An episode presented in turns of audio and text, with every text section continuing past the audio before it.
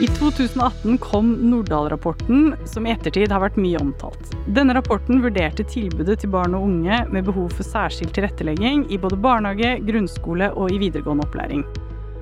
Utgangspunktet for rapporten, som ble bestilt av Kunnskapsdepartementet, var at det eksisterende tilbudet ikke var godt nok. En rekke forslag ble lansert i rapporten, men hva har egentlig skjedd i ettertid? Det skal vi snakke om i dag i podkasten Læring. I studio har vi tre gjester i dag, og den første gjesten er Daniel Lie, tidligere elev som har erfaring med mange ulike former for tilpasset opplæring. Noen mer heldige enn andre. Og du sitter også i styret for Dysleksi Ungdom. Velkommen. Takk. Og gjest nummer to er Mari Våge Wang, som er forsker ved Folkehelseinstituttet i dag. Og du var da en av forfatterne av rapporten. Velkommen. Takk skal du ha. Og den tredje gjesten, det er Monica Melby Lervåg, som er professor ved Institutt for spesialpedagogikk her ved Universitetet i Oslo, og leder av det nyopprettede senteret SpedAmes. Velkommen. Takk. Og da tenkte jeg, Mari, at vi kunne starte med å snakke om denne Nordahl-rapporten, for det har vært mye snakk om den i media, jeg tror mange har fått med seg, men hva var det egentlig den konkluderte med? Den konkluderte jo med at tilbudet til barn med behov for særskilt tilrettelegging ikke er veldig bra. Det er stort potensial for forbedring, og at det, det ventes ofte lenge med å iverksette tiltak som kunne ha vært satt i gang tidligere. Det er et litt for stort byråkrati som hindrer at uh, ting går smooth, da. Og så er det kanskje litt for lite kompetanse. Og også litt for dårlig kommunikasjon mellom leddene i systemet, som gjør at uh, de barna som har behov for særskilt tilrettelegging, ikke får det tidsnok, da. Ja, og i media da den kom, da var det mye fokus på noen temaer, eller kanskje særlig ett tema.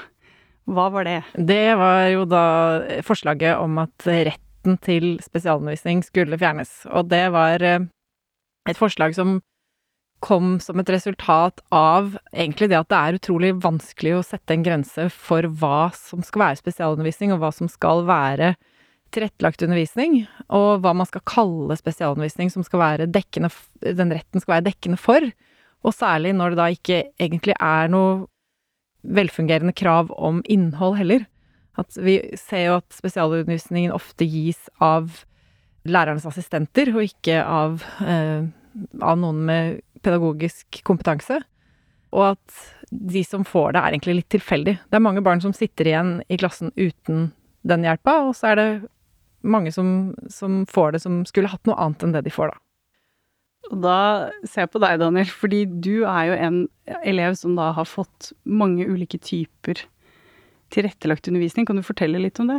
Ja, for jeg har jo så klart diagnosen dysleksi, mattevansker og språkvansker. Så betyr at jeg har jo hatt veldig behov for spesialundervisning i veldig teoretiske fag. Jeg hang jo langt etter mange fag, da.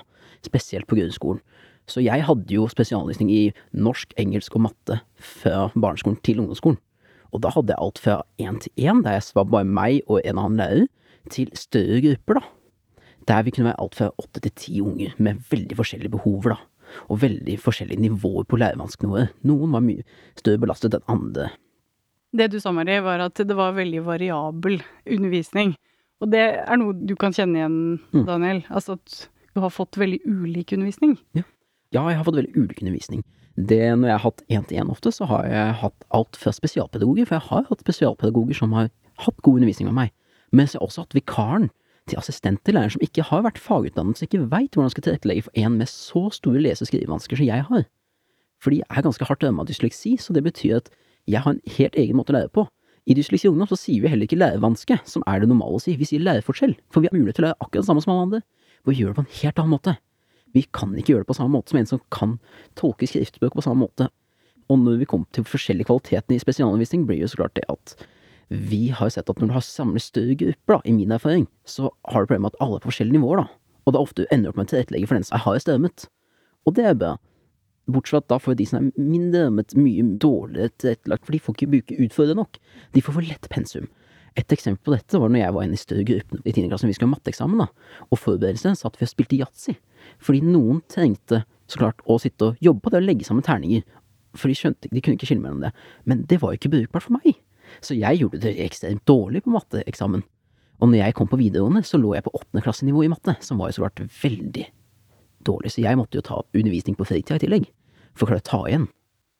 Men da tilbake til denne retten til spesialundervisning. Altså, Maria, bare spør deg, hvordan kunne det å fjerne den eventuelt løst det problemet Daniel beskriver her? Det å fjerne retten i seg selv vil ikke løse noen verdens ting. Men eh, det å sørge for at den ordinære undervisninga er bedre tilpassa til individuelle forskjeller, er jo på en måte det som er clouet. At man må ikke gjøre det på den måten der, da. At man gjør, gir et tilbud som er likt til alle. Man må ha et individuelt tilrettelagt tilbud som møter det behovet som eleven har. Og det fungerer ikke på den måten. Men det at vi har Vi trenger jo spesialundervisning. Vi trenger jo spesialpedagogiske tiltak. Men de må treffe breiere og mer retta mot det behovet eleven har, da. Så den retten fikser ikke det problemet i dag. Og med det systemet som ble foreslått i Nordahl-gruppa, så, så, var det liksom ikke igjen noen gode argumenter for å beholde retten, fordi den, den gjorde ingenting. Så den eh, var kanskje også litt sånn Vi visste jo at det kom til å bli debatt rundt det. Mm. Men det var jo også et av argumentene for å foreslå det. Det kunne også ha vært på en måte plassert et annet sted, da. Men på hvilket nivå skal rettigheten inntre? Det også diskuterte vi mye i forkant.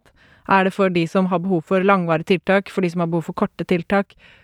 Fordi ofte så er det jo liksom at hvis du først havner i spesialundervisningsløpet, så kommer du ikke så lett ut av det heller. Og mange har ikke behov for vedvarende tiltak. Mange har behov for intensiv leseopplæringskurs, for eksempel, som ikke man nødvendigvis trenger en et enkeltvedtak for å, for å få, da. Så det var jo også snakk om tilgjengelighet, og særlig for de som er i en sånn slags gråsone, da. Når du sier at den retten på en måte Dere anså den som ikke var helt nødvendig fordi dere kom med andre forslag mm. i den rapporten. Kan du bare kort si hva noe av det var? Eh, noe av det var jo, var et slags forslag om å flytte kompetansen tettere på eleven. At eh, skolene skulle ha lettere tilgang på spesialpedagogisk kompetanse, og at uh, man skulle prøve å gjøre frigjøre kapasitet fra PPT, også fra Statped, til å på en måte flytte ressursene nærmere eleven. Og det er jo klart det er et forslag som krever mye mer utredning enn det lille som står i Nordahl-rapporten. Men ideen om at det er en lang vei da, fra at eleven Det oppdages at eleven har utfordringer med å følge undervisningen, og til den faktisk får spesialundervisning, den er veldig lang. Og at det er jo også sånn at den kompetansen som kreves for å tilrettelegge, den er jo gjerne der, men man får liksom ikke iverksatt den før man har gått en lang runde i systemet. Og det er jo uheldig. Så det henger også litt sammen, da. Dette her med eh, byråkratiet og rettigheten og kompetansen. Og jeg tror jo at av alle forslagene vi har, så tenker jeg det at de som får spesialundervisning eller annen tilrettelagt uh, undervisning, de skal få undervisning av noen som har kompetanse. Det tenker jeg er det aller viktigste forslaget. Ja, Monica, har du ja, eh, nei, jeg tenker at jeg forstår jo godt hvorfor Nodal-utvalget foreslo å fjerne den retten. For det er klart at det å, å, ha en sånn individuell juridisk rettighet, det gjør også at alle som skal få det, de må gjennom en, en individuell utredning eller vurdering, og det er veldig ressurskrevende. Og dersom man da fjerner den rettigheten, så kan de ressursene da bli brukt på en annen måte, og kanskje da også nærmere barnet, sånn som Nordahl-utvalget foreslo. Men jeg tenker vel også at eh, det er en stor risiko å fjerne den rettigheten, fordi at da, da, da har man på en måte ikke noe Hvis barnet ikke får et godt opplæringstilbud, så har, ikke verken foreldre eller barnet noe, noe klagerett, eller eh, Da har man på en måte veldig liten rettssikkerhet når det gjelder, eh, gjelder den, det tiltaket man får, og det, det er jo da baksiden ved det å fjerne den eh, retten. Så det var nok også derfor det forslaget var veldig kontroversielt, da. Og den rettigheten er der fortsatt en dag i dag? Den er der fortsatt. Ja. Den kommer nok til å bestå. Men jeg håper jo at konsekvensene av dette, denne diskusjonen som har oppstått i etterkant, da i hvert fall er at den fylles med litt mer innhold enn det den har hatt tidligere. Og det tenker jeg, da er det jo verdt det. Mm. Uansett. Fordi den retten, den, har den da sagt noe om kompetansen til de som skal oppfylle den, på en måte? Det er jo sånn den rettigheten fungerer, at pedagogisk-psykologisk tjeneste får da en henvisning fra skole eller foreldre, og så gjør de en utredning, og så ser de om barnet da ikke profitterer på ordinær eh, undervisning, og at eventuelt da barnet har rett på spesialundervisning. i den sakkyndige vurderingen, det varierer nok veldig fra PP-tjeneste til PP-tjeneste, men der står det ofte antall timer barnet skal ha, og antall time, av de timene som skal gis da av en spesialpedagog pedagog, eller da en assistent. Men eh, som også Daniel pekte på her, så, så vet vi det at eh, at hvordan spesialundervisningen da blir implementert, altså veien fra den, de gode intensjonene i den sakkyndige uttalelsen og til hva som skjer i praksis ute på skolen, den er da veldig lang, og det er veldig lett at uh, implementeringen her svikter helt, og at uh, man egentlig At det tilbudet man får er veldig langt unna det som PPT foreslo, og det vet vi også fra fra forskning. Vi har annet en undersøkelse som er gjort av Rati Blekal, som er en av forskerne i Spedheim, så den, den viser at det, det er sammenligna med to grupper. Elever som fikk spesialundervisning, og elever som var akkurat på samme faglige nivå som de elevene som fikk spesialundervisning, men som altså ikke fikk spesialundervisning. Og da fant man ut at eh, de elevene med spesialundervisning faktisk i noen tilfeller kom dårligere ut enn de eh, som var igjen i klasserommet og bare fulgte vanlig undervisning uten eh, noe ekstra. Så, så, så vi vet veldig godt det her også fra, fra, forskning. Det er flere norske studier som viser det, som Daniel påpekte. Ja, altså man, man, snakker jo ofte assistenter, at de blir satt spesialundervisning, og det er jo så selv negativt i den forstand der det skal være intens spesialundervisning. Men jeg har opplevd i spesialundervisning der assistenter har vært veldig greit og vært, fungert helt fint. For eksempel i naturfag så hadde jeg en assistent i klasserommet som tok notatene for meg. Og det var spesialundervisning jeg skulle få der, var at hun tok notatene som ble sagt på tavla når det var om større temaer som jeg ikke klarte å notere, for jeg klarer ikke å notere og følge med. Og det var jo god bruk av assistenter, så det er et, mye av det det handler om da, med dårlig spesialundervisning, er jo hvordan ressursene blir benyttet, da. Altså, jeg tenker også at spesialundervisning kunne helt fungert fint i klasserommet hvis hjelpemidler som min brukergruppe bruker, da, hadde vært opplært av lærerne. Men det er noe vi ser at største problemet vi møter for hvorfor ikke vår bruker kan ha spesialundervisning i klasserommet, fordi de har ikke opplæring i hjelpemidlene. Elevene har ikke det, og lærerne har ikke det, så de veit ikke hvordan de skal bruke det. Jeg har brukt hjelpemidler siden jeg gikk i tredje klasse. Og dermed har jeg vært veldig flink til å bruke, og dermed kunne jeg sitte mye med i klassen og følge med. Og det er alt fra å ha eller ting som leser tekstene jeg har på, hvis jeg får det digitalt, til å kunne skanne inn da, tekst med en skannermus. Nå er jo så klart kommet mye, mye mer avansert teknologi nå. Nå har du skannepenn og, og briller så han leser for deg, og du har det på telefonen, så det er mye lettere tilgjengelig teknologi nå enn før. Så jeg tenker en fin måte å tenke på hvordan du kunne universell utforming i klasserommet, sånn at de med spesialundervisning kan sitte der. Det som ofte blir gjort feil i spesialundervisning, er at eleven blir tatt ut uten at klassen blir forklart det. Og da er det en belastning for eleven, for da, hvorfor går Daniel ut av timen i norsk, engelsk og matte? De, de lurer på hvorfor, og da skaper det en psykososial belastning, for noen, du blir sett på som annerledes.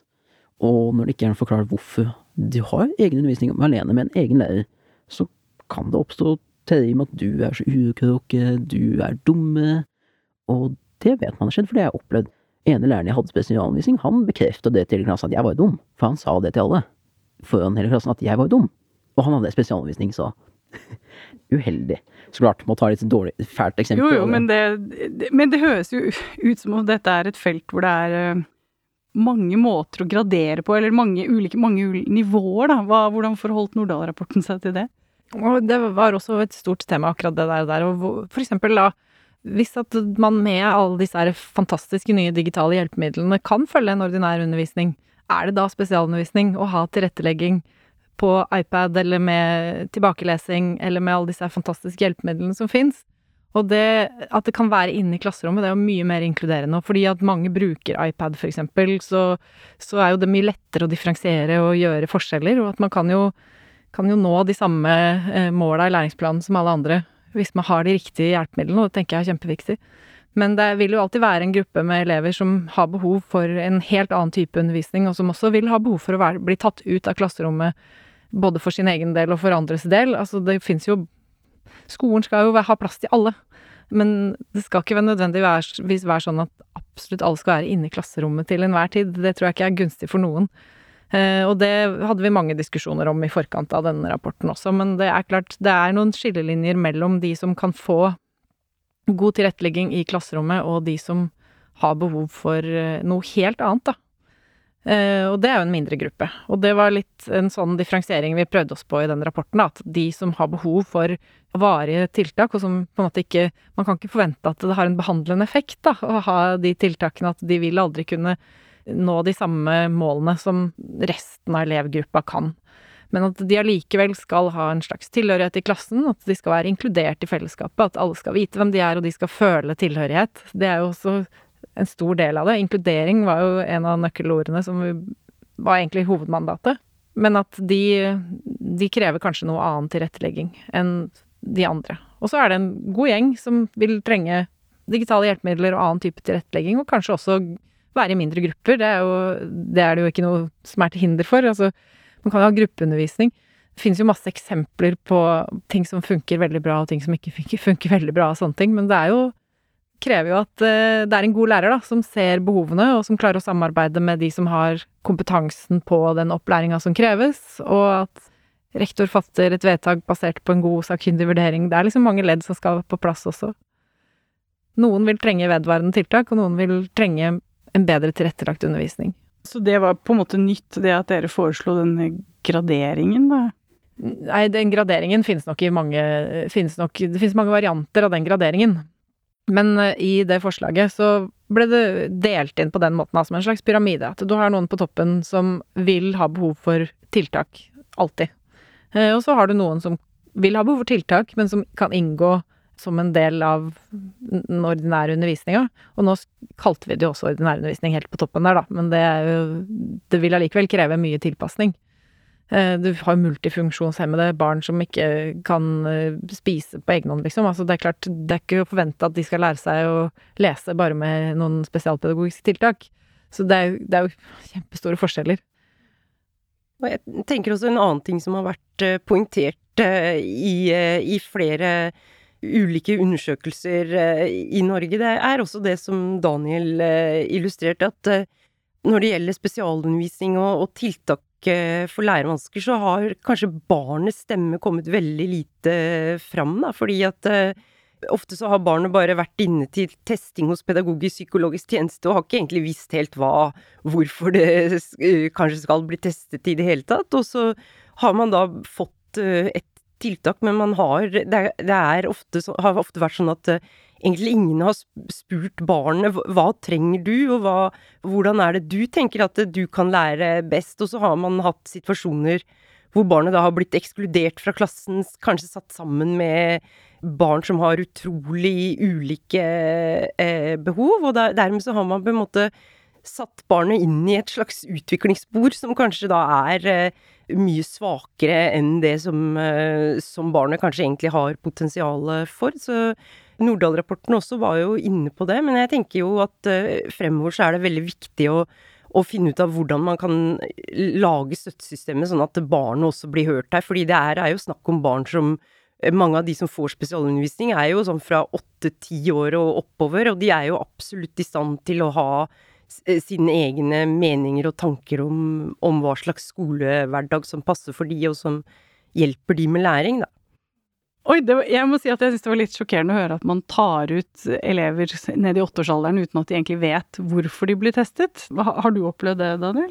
Ja, jeg har jo opplevd det at eh, og tenker på det med at vi snakker om at barn ikke får sagt en stemme om spesialundervisning. Jeg fikk jo opplevd det på ungdomsskolen, at de fikk spørsmål i engelsk, da. Hvordan lærer du best engelsk? Og vi svarte jo på hvordan det, og læreren sa å, kjekt å vite. Men Sånn skal vi ikke gjøre det. Vi skal sitte og pugge gloser. Og det er jo én ting. Og så læreren spurte deg, ja. men ville ikke høre? Nei, ville ikke høre, for det, vet, da har du fulgt loven, for det er jo pålagt med loven du skal bruke medvirkning, men du trenger å følge deg, så klart. Og vi vet jo det fra Barneombudets rapport 2016, at det barn kommenterte mest at de problemet med spesialundervisning, var at de følte seg ikke hørt, og de følte ikke at de hadde en god relasjon med personen. For dem stemmer var ikke med på hvordan de skal ha opplæring, de bare fulgte en plan. Og da kan man jo tenke seg at de ikke har helt kompetansen som skal til heller, for å kunne legge til rette sånn som dere hadde behov for, da. Og det er jo også en av de tingene som etterlyses, både i Nordahl-rapporten om egentlig ganske jevnt over, at det er, litt, det er for lite kompetanse. Og det er for lite kompetanse både blant lærerne, men det er også litt lite forskning på spesialundervisning. Det har kommet en del i det siste, og det kommer mer, men, men vi trenger et bedre kunnskapsgrunnlag på hvordan ulike undervisningsformer eh, virker på elever i norsk skole. Så det er veldig Vi trenger bedre kunnskap, rett og slett. Mm. Og Monica, kaster ballen over til deg. Det, Ja. det er dere i gang med.